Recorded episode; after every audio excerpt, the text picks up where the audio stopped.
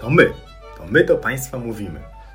Tomasz Batko. Mateusz Kosiak. My jesteśmy lekarzami, twórcami portalu eduson.pl I postanowiliśmy trochę urozmaicić portal eduson.pl i zamieścić na nim podcasty.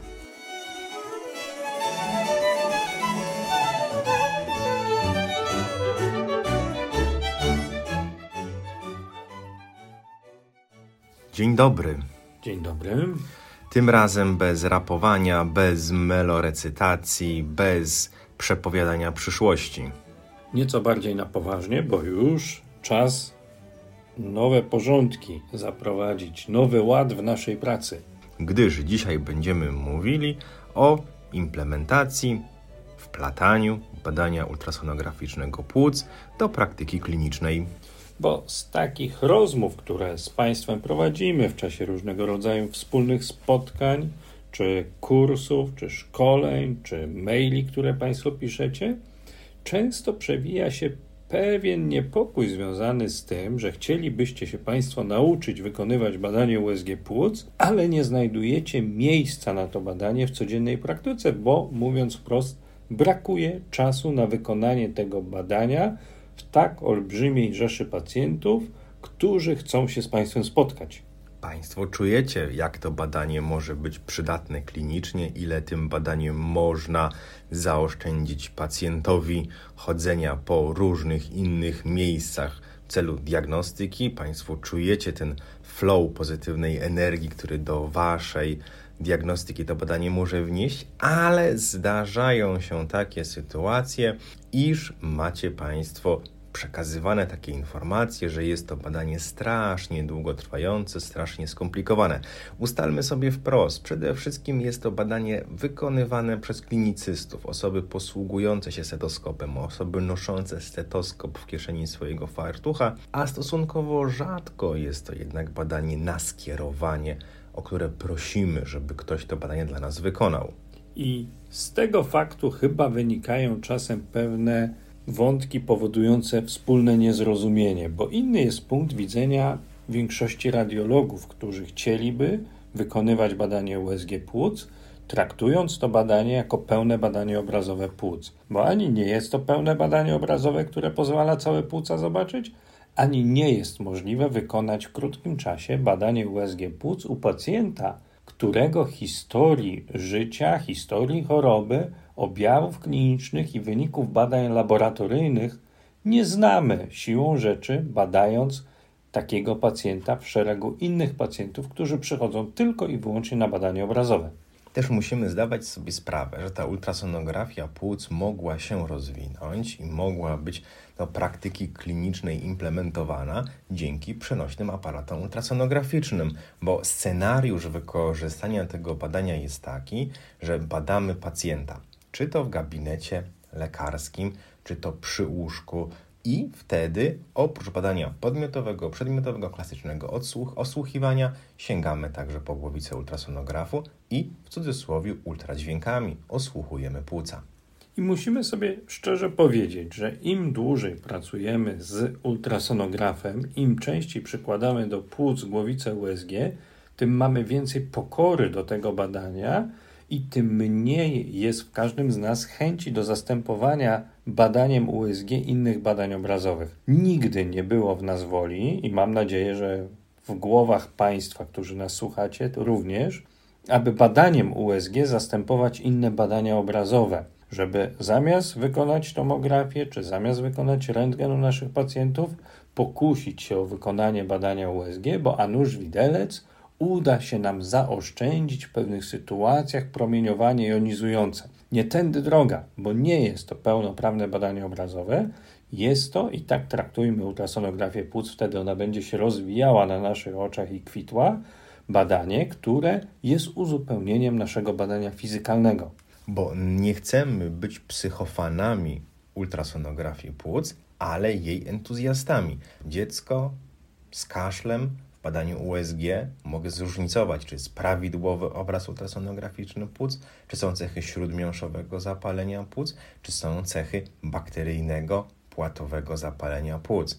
ale może być taka sytuacja, że jeżeli to dziecko w drogach oskrzelowych ma ciało obce, a to ciało obce nie powoduje zmiany obrazu ultrasonograficznego płuc na obwodzie tego płuca, to w moim badaniu ultrasonograficznym obraz będzie obrazem prawidłowym, prawidłowo upowietrznionego płuca. I fakt, że pacjent z przewlekłym kaszlem ma prawidłowy obraz ultrasonograficzny płuc, nie zamyka jego dalszej diagnostyki. Muszę sięgnąć po inną metodę obrazową, badanie rentgenowskie, badanie tomografii komputerowej, żeby doprowadzić do rozpoznania. Badanie USG, nawet dla tych, którzy je najbardziej kochają i uwielbiają, nie jest wyrocznią idealną. To jest badanie, które jesteśmy w stanie wykonać szybko i sprawnie. Jeżeli dobrze opanujemy technikę badania, poznamy obraz prawidłowy, obraz ultrasonograficzny płuc i będziemy znali obraz najczęstszych zmian patologicznych, jakich się spodziewamy. Wówczas zamiast mitycznych 30 minut jesteśmy w stanie wykonać to badanie w ciągu kilku minut, pod warunkiem, że chwytamy po głowicę USG po to, aby zbadać pacjenta, którego wcześniej zbadaliśmy podmiotowo, przedmiotowo i wiemy, czego szukać, jakiej jednostki chorobowej szukamy, jakie choroby chcemy wykluczyć u naszego pacjenta. To nie jest badanie na zasadzie zarzucania sieci, a może nam jakaś ryba w tej sieci wpadnie. To jest badanie bardzo nastawione na rozwiązywanie konkretnego problemu klinicznego. Są pewne obszary w zakresie ultrasonografii płuc, które stają się pewnymi polami niezgody pomiędzy lekarzami różnych specjalności. Na przykład takim polem niezgody jest to, że w badaniu ultrasonograficznym płuc będziemy szukali cech śródmiąższowego włóknienia. To, że je można zobaczyć, nie znaczy, że w dzisiejszych czasach jest to badanie do badań przesiewowych czy do poszukiwania tego typu zmian. To, że ja w badaniu USG płuc widziałem, znalazłem raka gruczołowego położonego obwodowo, nie znaczy, że będę to badanie wykonywał jako badanie do poszukiwania choroby nowotworowej w płucach. To badanie jest bezpiecznym badaniem i skutecznym wtedy, kiedy znamy w pełni jego ograniczenia. Bo jeżeli trafia do Państwa dziecko z konkretnymi objawami, ma gorączkę, ma kaszel, ma zmiany osłuchowe, to badanie USG wykonujemy po to, żeby potwierdzić nasze kliniczne przypuszczenie, czyli żeby znaleźć konsolidacje, które wskazują na obecność zapalenia płuc. Natomiast jeżeli u tego samego pacjenta, który jest w stanie ogólnym dobrym, my zmian zapalnych w USG płuc nie widzimy, możemy z dużym prawdopodobieństwem stwierdzić, że nasz pacjent ma infekcję górnych dróg oddechowych bądź zapalenie oskrzeli. Natomiast jeżeli ten sam pacjent będzie w złym stanie ogólnym, będzie prezentował te same objawy, które sugerują obecność zmian zapalnych w płucach i my tych zmian zapalnych nie zobaczymy w badaniu USG, to doskonale wiemy, znając ograniczenie metody związanej z ultrasonografią płuc, że musimy poszerzyć naszą diagnostykę o inne metody obrazowe, w domyśle wykonać rentgen płuc. Wtedy wszystko będzie na właściwym miejscu. A ja już sobie tak to zorganizowałem, że każdemu pacjentowi, małemu, średniemu, dużemu, który jest u mnie w przychodni z powodu objawów ze strony układu oddechowego, przy okazji osłuchiwania, wykonuję także badanie ultrasonograficzne płuc. Ale nie po to, żeby zastąpić tą metodą badanie rentgenowskie wtedy, kiedy trzeba je wykonać, tylko żeby upewnić się co do naszych sugestii, które stawiamy w większości przypadków na podstawie badania fizykalnego i zebranego wywiadu. Tak traktujmy to badanie, aby ono nam pomagało w naszej diagnostyce, żeby skracało czas diagnostyki, a nie żeby wydłużało albo nie daj Boże wprawiało od nas osłupienie, ostateczne rozpoznanie, z którym pacjent po jakimś czasie do nas trafi. Nie po to, żeby zastąpić, ale po to, żeby uzupełnić, bo jeżeli mam pacjenta z objawami klinicznymi i obrazem ultrasonograficznym zapalenia płuc bakteryjnego, włączam leczenie empiryczne. Natomiast kiedy obraz ultrasonograficzny ulegnie normalizacji, wtedy u pacjenta dorosłego jest sens wykonać badanie rentgenowskie. Nie po to, żeby nam pokazywało to, co już wiemy z ultrasonografii, ale żeby pokazywało nam to, czego ultrasonografia nie pokaże, a zmiany położone w okolicy wnęk, płuc, nowotwory tej okolicy, które nie powodują zmian obrazu ultrasonograficznego na obwodzie. Szukajcie Państwo takich zastosowań ultrasonografii płuc, które będą bezpieczne dla Was, dla Waszych umiejętności i dla Waszych pacjentów. W domyśle, mając pacjenta, którego znacie, który choruje na POHP i przychodzi do Państwa z dusznością, przykładacie Państwo głowicę USG do ściany klatki piersiowej po to, żeby sprawdzić, czy jest prawidłowy obraz płuc, czyli mamy podejrzenie POHP, zaostrzenia POHP, czy być może widzimy zmiany śródmioszowe, które sugerują zapalenie płuc, ewentualnie liczne artefakty linii B rozmieszczone symetrycznie nad całą powierzchnią płuc, które potwierdzają, że duszność tym razem nie jest wynikiem zaostrzenia POHP, ale wynikiem dekompensacji układu krążenia w domyśle kardiogennego obrzęku płuc. Te proste rozwiązania będą dużo skuteczniej działały na rzecz ultrasonografii płuc niż próba wykorzystania tego badania zawsze i wszędzie bez względu na wskazania. I ten kontekst kliniczny, czyli współwystępowanie POHP z niewydolnością serca, o którym przed chwilą powiedziałeś, to jest badanie, które zajmuje u pacjenta dorosłego do 3 minut.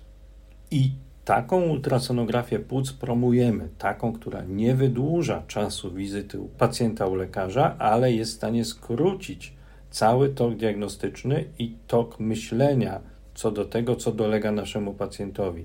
Nie promujemy badania, które trwa 30 minut, bo ono nikomu nie służy, zwłaszcza pacjentom pediatrycznym. Żaden pacjent pediatryczny nie wytrzyma tak długiego badania. Nikt z nas nie ma czasu na tak długie muskanie głowicą po powierzchni klatki piersiowej, bo w tym czasie wielu z nas zdąży już zlecić, wykonać i opisać badanie tomograficzne płuc. Nie bądźmy psychofanami, bądźmy entuzjastami, nie bądźmy ultraoptymistami, bądźmy realistami i cała idea polega na tym, aby z tego dobrodziejstwa odpowiednio korzystać, wszak wszystko jest dla ludzi. I uczmy się tej metody po to, aby wykonywać samodzielnie, a nie zlecać komuś, kto nie będzie w stanie ogarnąć kontekstu klinicznego, który dotyczy naszego pacjenta. Zdrowia życzymy. Do usłyszenia.